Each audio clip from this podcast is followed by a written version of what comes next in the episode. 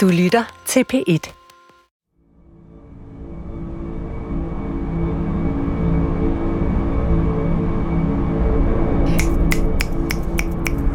Okay, Godt. Der er hul igennem. så det er tredje dag i byretten i København, Godmorgen. Så står jeg nede for en øh, byretten. og det er nu, at vi for første gang skal til at høre, hvad underviseren, cykelhandleren og taxichaufføren de forklarer.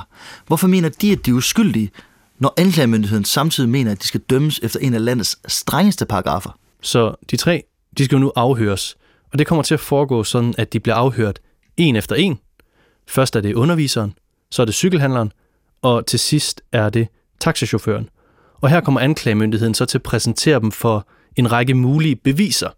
Det kan være chatbeskeder, de har skrevet, det kan være ting, de har købt, eller ting, der er fundet i forbindelse med, at deres lejligheder de er blevet renset. Og alle de her mulige beviser, dem vil anklagemyndigheden så gerne have de tiltaltes forklaring på. Og det får den nu. Så da de her afhøringer de skal til at begynde nede i retten, der er der flere ting, som vi er ret spændte på at få deres svar på. For det første, hvorfor har underviseren og cykelhandleren angiveligt købt så mange modelfly og droner på så kort tid? Og hvordan forklarer de, hvad de her ting de skulle bruges til, hvis de erkender at have købt dem?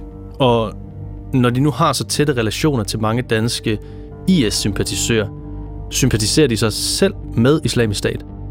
Og her til den første afhøring, der er vi især interesseret i at få svar på, hvorfor underviseren har et USB-stik med bombemanualer, dronevideoer af basen i Haran Issa, og en video af en, man mener er Basil Hassan, der står og blander en bombe.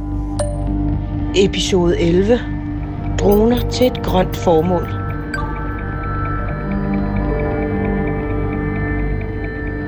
Så afhøringen af underviseren begynder, Underviseren han har en lyseblå, nystrøget skjorte på, og så har han sådan nogle mørkeblå chinos bukser på. Og som noget af det første, der fortæller underviseren faktisk, at han har spillet en rolle i de mange køb af droner og droneudstyr, som anklageren lister op.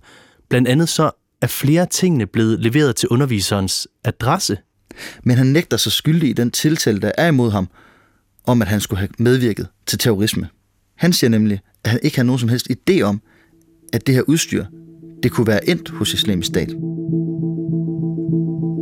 Så det anklagemyndigheden nu skal bevise, det er, at underviseren han vidste, at det han købte, det endte hos islamisk stat. At han var klar over, at det han sendte afsted kunne bruges til at udføre et terrorangreb for islamisk stat, og han dermed aktivt støttede terrororganisationen.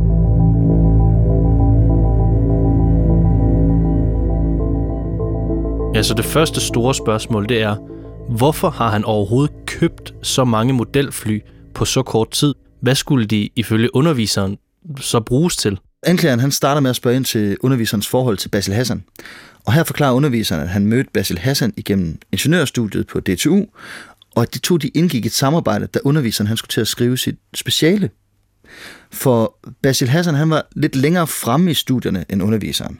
Og da underviseren skal til at skrive det her speciale, der foreslår Basil Hassan, at det kan underviseren gøre i Basil Hassans virksomhed. Ja, den her virksomhed, det er jo faktisk en af de ting, der i sin tid får os på sporet af, at underviseren kender Basil Hassan. Fordi underviseren på sin LinkedIn-profil skriver, at han har været ansat i det her firma i et år og tre måneder. Ja, det underviseren så forklarer, det er, at Basil Hassans firma, der hed On Foundation, det var et firma, der skulle lave fundamenter og vindtårne til vindmøller. Basil Hassan han havde altså et firma, hvor han ville satse på grøn energi. Det ser sådan ud.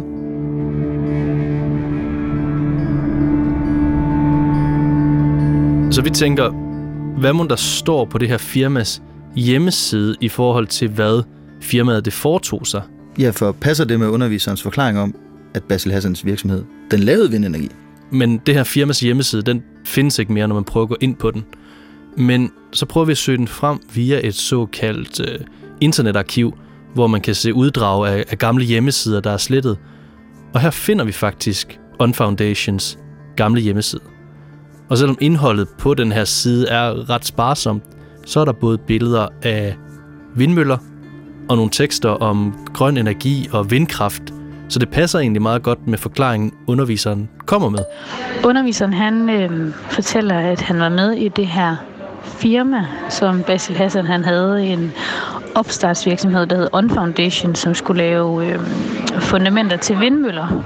Og det var efter Basil Hassan havde været ansat i Covi, hvor han havde netop koncentreret sig om vindmøller, og han havde sådan en ekspertise inden for vindenergi. Og det øh, lovede øh, underviseren at hjælpe med. Han var projektansat, og hvis det så blev til noget, så skulle han nok få nogle flere penge. Så underviseren han arbejder altså som en slags øh, konsulent i Basil Hassans firma. Og da vi kommer ind på underviserens LinkedIn-profil, så kan vi se, at det tidspunkt, hvor han er ansat i firmaet, det er ret interessant i forhold til den her dronesag. For der står, at han var ansat i firmaet fra september 2012 og indtil november 2013. På et tidspunkt, hvor han jo angiveligt deltager i købene af de her droner og det her droneudstyr. Men underviseren han forklarer også, at han ikke ser Basil Hassan fysisk i den her periode, for Basil Hassan han opholder sig, ifølge underviseren, i Libanon, hvor han er i gang med at udvikle den her vindenergiforretning.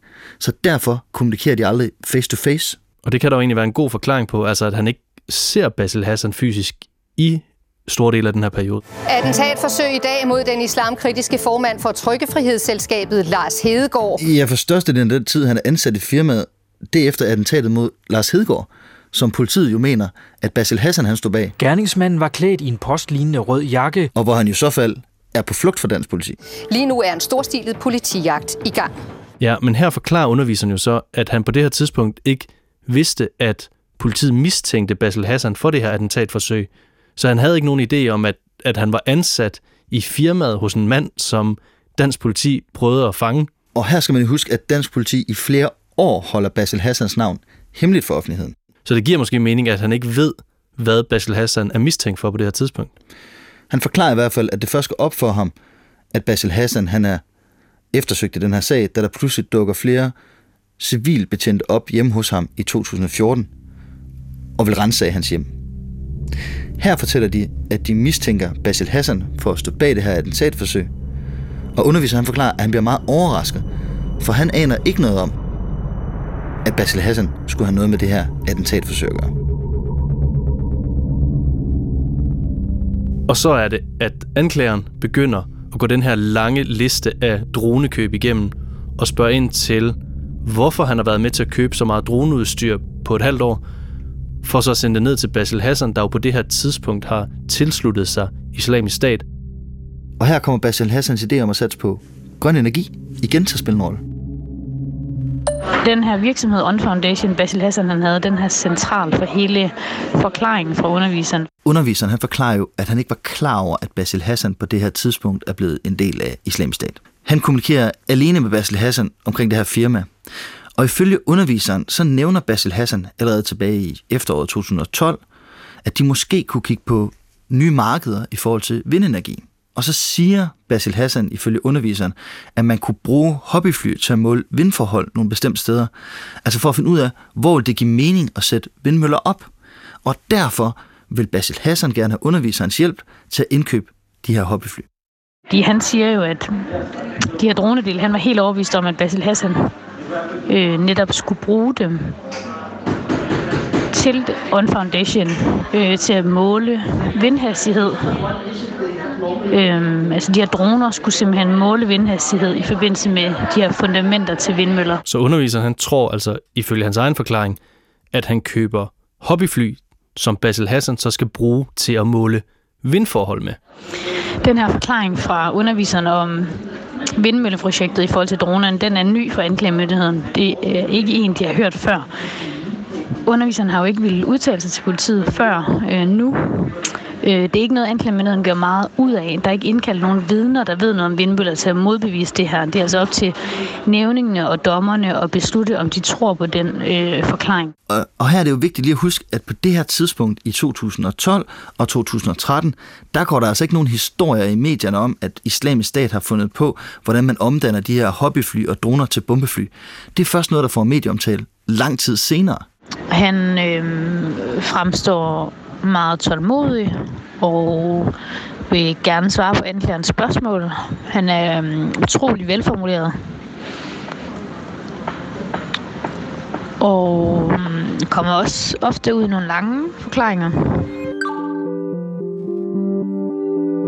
Og så er det, at anklageren bringer en anden ting på banen, nemlig det her USB-stik, som er fundet i underviserens punkt, Det her USB-stik, som jo er anklagerens kronvidne mod underviseren og cykelhandleren. Ja, faktisk så er der i alt to USB-stik og en harddisk, som er fundet ved rensning tilbage i 2014, som anklagemyndigheden har fundet filer på, som de mener er interessante for dronesagen. En af de ting, de finder på det her USB-stik, det er et dokument, som er oprettet på underviserens computer, der hedder Hvad er kaldet?, som beskriver organisationen Kaldet til Islam. Godt efter! Jeg vil gerne bringe jer en god nyhed. En nyhed, der kan skabe retfærdighed.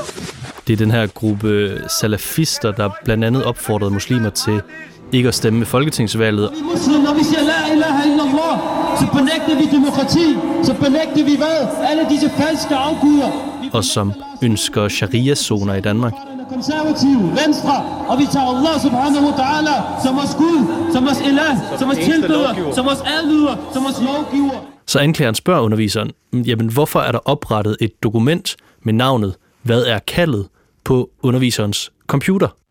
Og det er jo væsentligt, fordi underviseren siger, at han ikke selv er en del af kaldet til islam. Han tager afstand fra kaldet til islam, fordi de har nogle grundlæggende uenigheder. Og der spørger anklageren så, hvorfor han opretter dokumenter, blandt andet et dokument, der hedder øhm, Hvad er kaldet? Hvorfor skulle underviseren oprette det, hvis han grundlæggende øh, ikke går ind for det, de gør? Og der siger, øh, der siger underviserne, at det er fordi, de har bedt ham om det, og det er kendt i de her kredse, at han er rigtig, rigtig god til at øh, formulere sig, og derfor bliver han tit bedt om hjælp. En anden ting, de finder på det her USB-stik, og som anklagemyndigheden bliver mærke i, det er en række magasiner. På det her USB-stik, som man finder hjemme ved underviseren, der sidder i en Mac-book, der finder man 10 udgaver af Al-Qaidas Inspire Magazine. Inspire, det er al-Qaida på den arabiske halvøs propagandablad. Det ligner nærmest øh, det amerikanske øh, magasin Time, og jeg kan især huske den første udgivelse, de laver af det her blad, fordi de opfordrer alle deres følgere til at begå sådan nogle ret øh, rabiate angreb dengang. Hvad er det for nogle angreb? Jamen det jeg så husker, det er faktisk, at der allerede i 2010, altså nogle år før, at islamisk stat overhovedet opstår, står i det her magasin, at man skal tage sin bil og bare køre tilfældige mennesker ned. Og på det her tidspunkt, der er det en relativt ny tankegang. For indtil da, der har man primært frygtet angreb, som minder om dem, vi kender fra 11. september og bomberne i Madrid og London. Altså store og velkoordinerede angreb, der tager tid og koster en masse penge at forberede. Men nu vil de altså bare have, at folk sætter sig ind i en bil og kører ned af eksempelvis strået. Og det er jo en taktik, som, som IS-sympatisører i den grad gør til deres varemærke i de angreb, der har været i Berlin. Tysk politi har anholdt føreren af den lastbil, der kørte gennem et julemarked i Berlin her til aften. I Nice. Frankrig er i chok efter mindst 80 mennesker sent i aftes mistede livet ved et formodet terrorangreb. I Stockholm. Fire blev dræbt og 15 kvæstet, da en lastbil kort før kl. 15 pløjede sig ind i en menneskemængde på en af Stockholms travle butiksgader. Ja, lige præcis. Men, men dengang der var det en relativt ny frygt.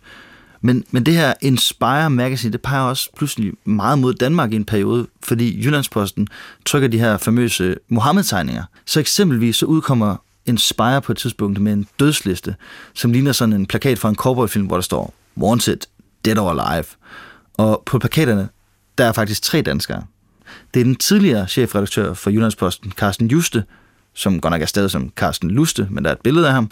Og så er det Flemming Rose, der er kulturredaktør, da tegningerne udkom, og så selvfølgelig Kurt Vestergaard, der tegnede den her berømte tegning, hvor Mohammed han har en bombe i turbanen.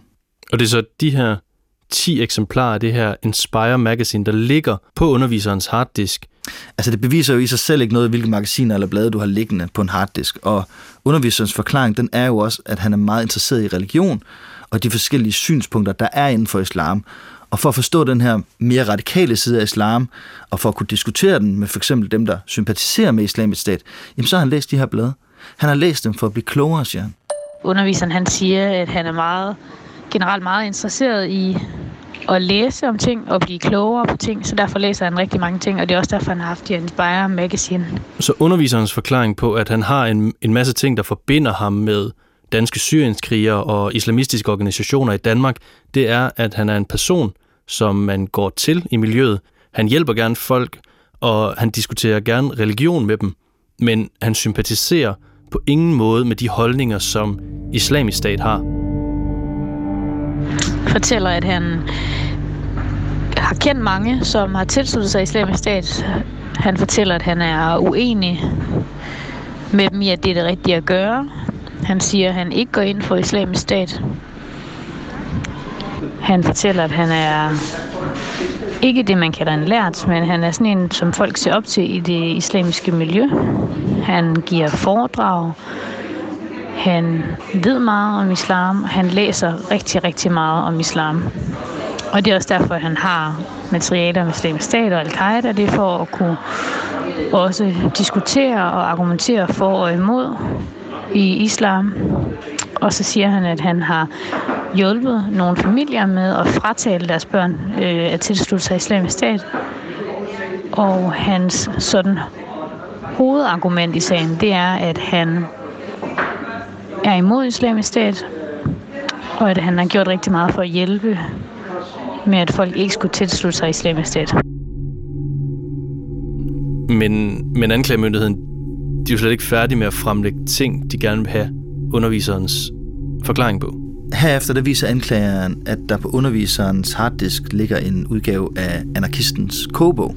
Så på den øh, harddisk, man finder hjemme ved ham, der ligger anarkistens kogebog, øh, eller terroristens kogebog, som man også hedder andre steder. Den her myteomspændende bog, som er fundet hjemme hos mange terrorister gennem tiden.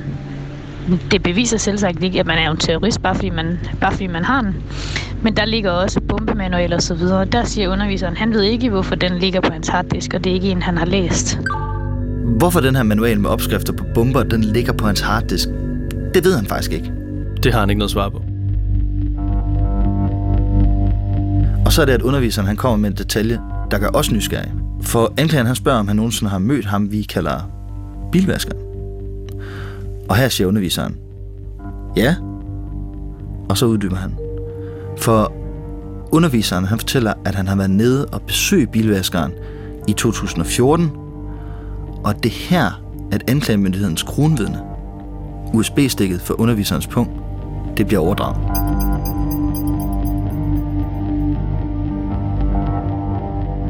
Bilvaskeren, han er jo også en del af hele den her sag, men han sidder jo ikke på anklagebænken sammen med de tre andre, øh, fordi dansk politi jo ikke kan få fingrene i ham, selvom de, selvom de rigtig gerne ville. Nej, han sidder jo trygt, kan man sige, nede i Tyrkiet. Men det her det er første gang, at vi hører, at der er en direkte forbindelse mellem de her to. Altså, at de har mødtes i perioden omkring, at droneudstyret bliver købt. Indtil videre, der har vi jo kaldt ham bilvaskeren. Men nu er navneforbuddet mod ham faktisk blevet ophævet. Så nu behøver vi ikke længere at sløre hans rigtige navn. Vi kan bare sige, hvad han hedder. Og hans øh, rigtige navn, det er Abdul Kadir Sessur. Basil Hassan får lede via Abdul Kadir Sessur herudover til blandt andet at deltage i nedenstående, at have indkøbt fire kameraer, to objektiver. Og vi behøver faktisk heller ikke at sløre hans stemme længere. Hvordan tænker du at stille dig i forhold til, til, til hvis, når der kommer en tiltale? Nu var navneforbuddet, det er ophævet. Altså, myndighed, de er irriterende. Det er ikke fordi, jeg frygter det som Jeg tror heller ikke på, at de, de tyrkiske myndigheder vil, vil sende mig til Danmark på nogen som helst måde. Ja, hvorfor er det så interessant? Jamen det er det, fordi at det også betyder, at vi kan fortælle, hvad det er for en terrorsag, som bilvaskeren han tidligere er dømt i.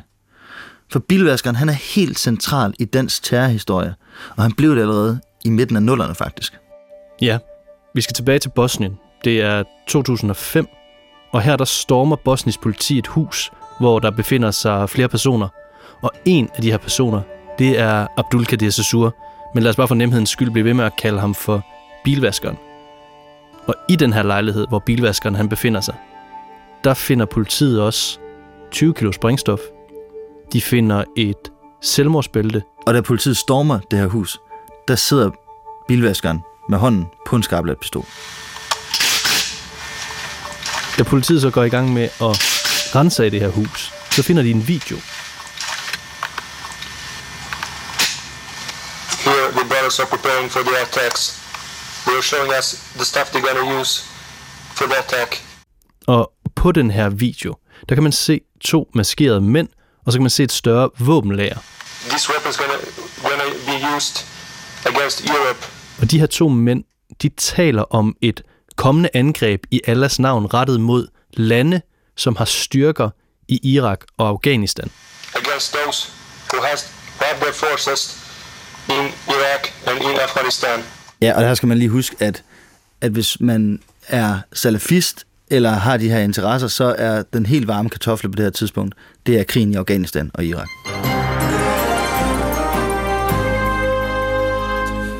13 år og 4 måneder, sådan lyder dommen i eftermiddag i terrorsagen i Sarajevo over dansk-tyrkeren Abdulkadir Sesur. I retten i Sarajevo, der blev bilvaskeren dømt for at være taget fra Danmark til Bosnien, for så at have planer om at udføre et terrorangreb i et europæisk land. Deres umiddelbare reaktioner var altså, at øh, dansk-tyrkiske Abdul Kadir Sassur øh, havde også sådan et lidt udgrummeligt stille smil på læben, øh, da han hørte sin dom. Samtidig så har elektroniske spor vist, at bilvaskeren under det her ophold i Sarajevo var i kontakt med flere af de sigtede i den danske Glostrup-sag. Og derfor så mener man, at sagen i Sarajevo har direkte tråde til Glostrup-sagen, som er den første danske terrorsag i nyere tid. Længden af den her fængselsstraf, den bliver så senere reduceret til 6 år og 4 måneder. Og efter at bilvaskeren så kommer ud af fængslet i Bosnien, så er der et møde mellem ham og underviseren finder sted i Tyrkiet. Jeg er nede i retten, så fortæller underviseren, at det er rigtigt nok. De har mødtes i Tyrkiet i 2014, fordi underviseren han er nede i Bursa, altså der hvor bilvaskeren bor, sammen med sin svigerfar for at kigge på lejligheder. Da de to de mødes, der diskuterer underviseren og bilvaskeren borgerkrigen i Syrien. Og her siger underviseren i retten, at han over for bilvaskeren tog skarpt afstand fra IS. Og han havde lavet en større research om IS og hvad det stod for, helt tilbage til deres etablering. Og det er jo så her, at det her øh, famøse USB-stik, det kommer ind i billedet.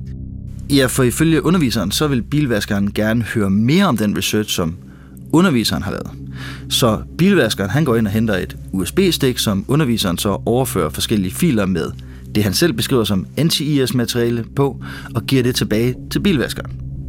Bilvaskeren, han tager imod det, men så er det, at han giver et USB-stik tilbage til underviseren, og siger til ham, at det her USB-stik, det er for Basil Hassan. Og når underviseren kommer tilbage til Danmark, så skal han give det her USB-stik til en af Basil Hassans venner. Og det er altså det her USB-stik, som indeholder dronevideoerne fra en ISA, øh, videoer af en person, som man mener er Basil Hassan, der er i gang med at, fremstille en bombe og, og en række andre filer. Ja, og så begynder vi at spidse ører, for da vi var nede og tale med bilvaskeren, der nævnte han jo også selv det her USB-stik. Han sagde bare ikke noget om, at han selv havde afleveret det til underviseren. Det var noget med, at øh, Basil han havde givet ham en, en USB, Ja. hvor der var en helt alt muligt ting i. Altså ting, som, er, som ikke er så godt. Ja. Underviseren, han siger, at han har fået det af bilvaskeren, og han fik besked om at give det videre til en af Basil Hassans venner i Danmark.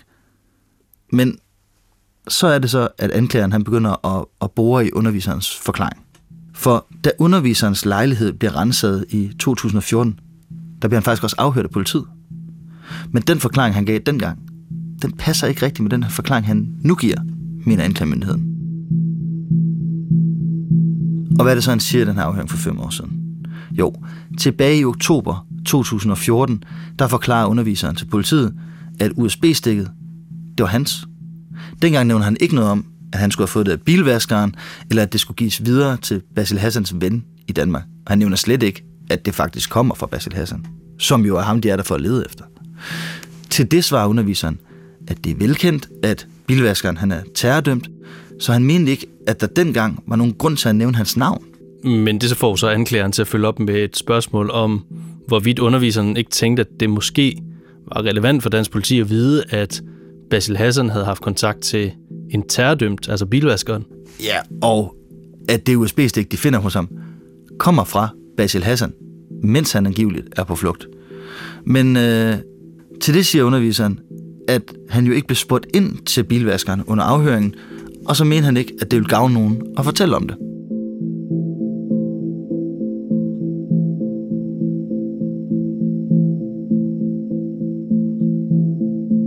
Nu spørger anklagemyndigheden så, om underviseren han har kigget på det her indhold, der er på USB-stikket. Og her siger underviseren, at han har ikke set på indholdet af USB-stikket, for han fik det og indtil at politiet i Danmark de kommer og beslaglægger det. Men så er der, at anklageren fortæller, at tekniske undersøgelser af underviserens computer og af USB-stikket viser, at tre filer blev åbnet på underviserens computer inden rensagningen. Og her dukker der så en ny information op om, hvad der også er på det her USB-stik. For en af de tre filer, der blev åbnet på underviserens computer, det er et stort regneark. Og det her Excel-ark, det viser tracking og bestillingsnummer på en hel masse dronedel. I alt så viser regnearket indkøb af modelfly for i alt 730.000 kroner. Ja, og i det her regneark, der står også navnet Abu Hani. Altså Basil Hassans krigernavn i Ja. Islamisk Stat. Ja, og så står der Katib Bara bin Malik. Som jo er den gruppe, som Basil Hassan han ledede ned i Islamisk Stat. Så i det her regneark, som er blevet åbnet på underviserens computer, der står altså flere referencer til islamisk stat. Så anklageren spørger jo naturligt nok, hvorfor de her dokumenter er blevet åbnet på underviserens computer, når nu han siger, at han aldrig har set på indholdet af USB-stikket. Og til det så svarer underviseren, at det kan være, at de er blevet åbnet i det øjeblik, han fik filerne fra bilvaskeren, men han har i hvert fald ikke bemærket indholdet af de her filer. Så, det store spørgsmål, som retten i sidste ende skal tage stilling til, det er, om underviseren han var klar over, at de ting, han købte og sendte ned til Basil Hassan, at de endte hos en terrororganisation, og at de kunne bruges til terrorisme. For hvis underviseren han bare købte modelfly og sendte det ned til en ven, der sagde, at han skulle bruge det til at måle vindforhold til et vindmølleprojekt, og ikke vidste, at Basil Hassan var en del af islamisk stat på det her tidspunkt, ja, så har han jo ikke gjort noget ulovligt.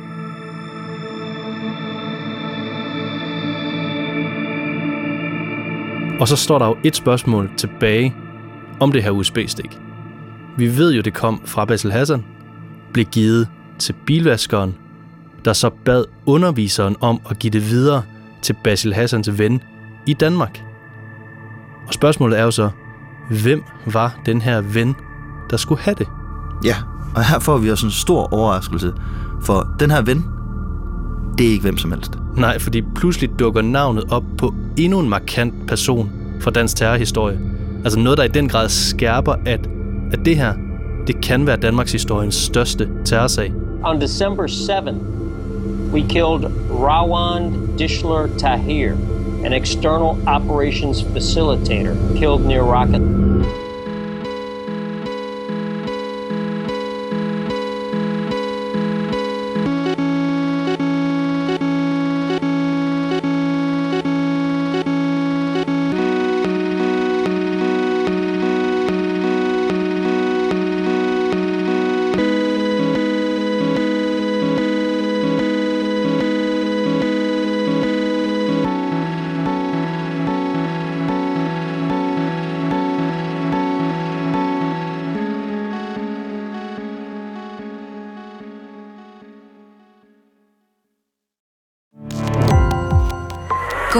Opdagelse i alle DR's podcast og radioprogrammer. I appen DR Lyd.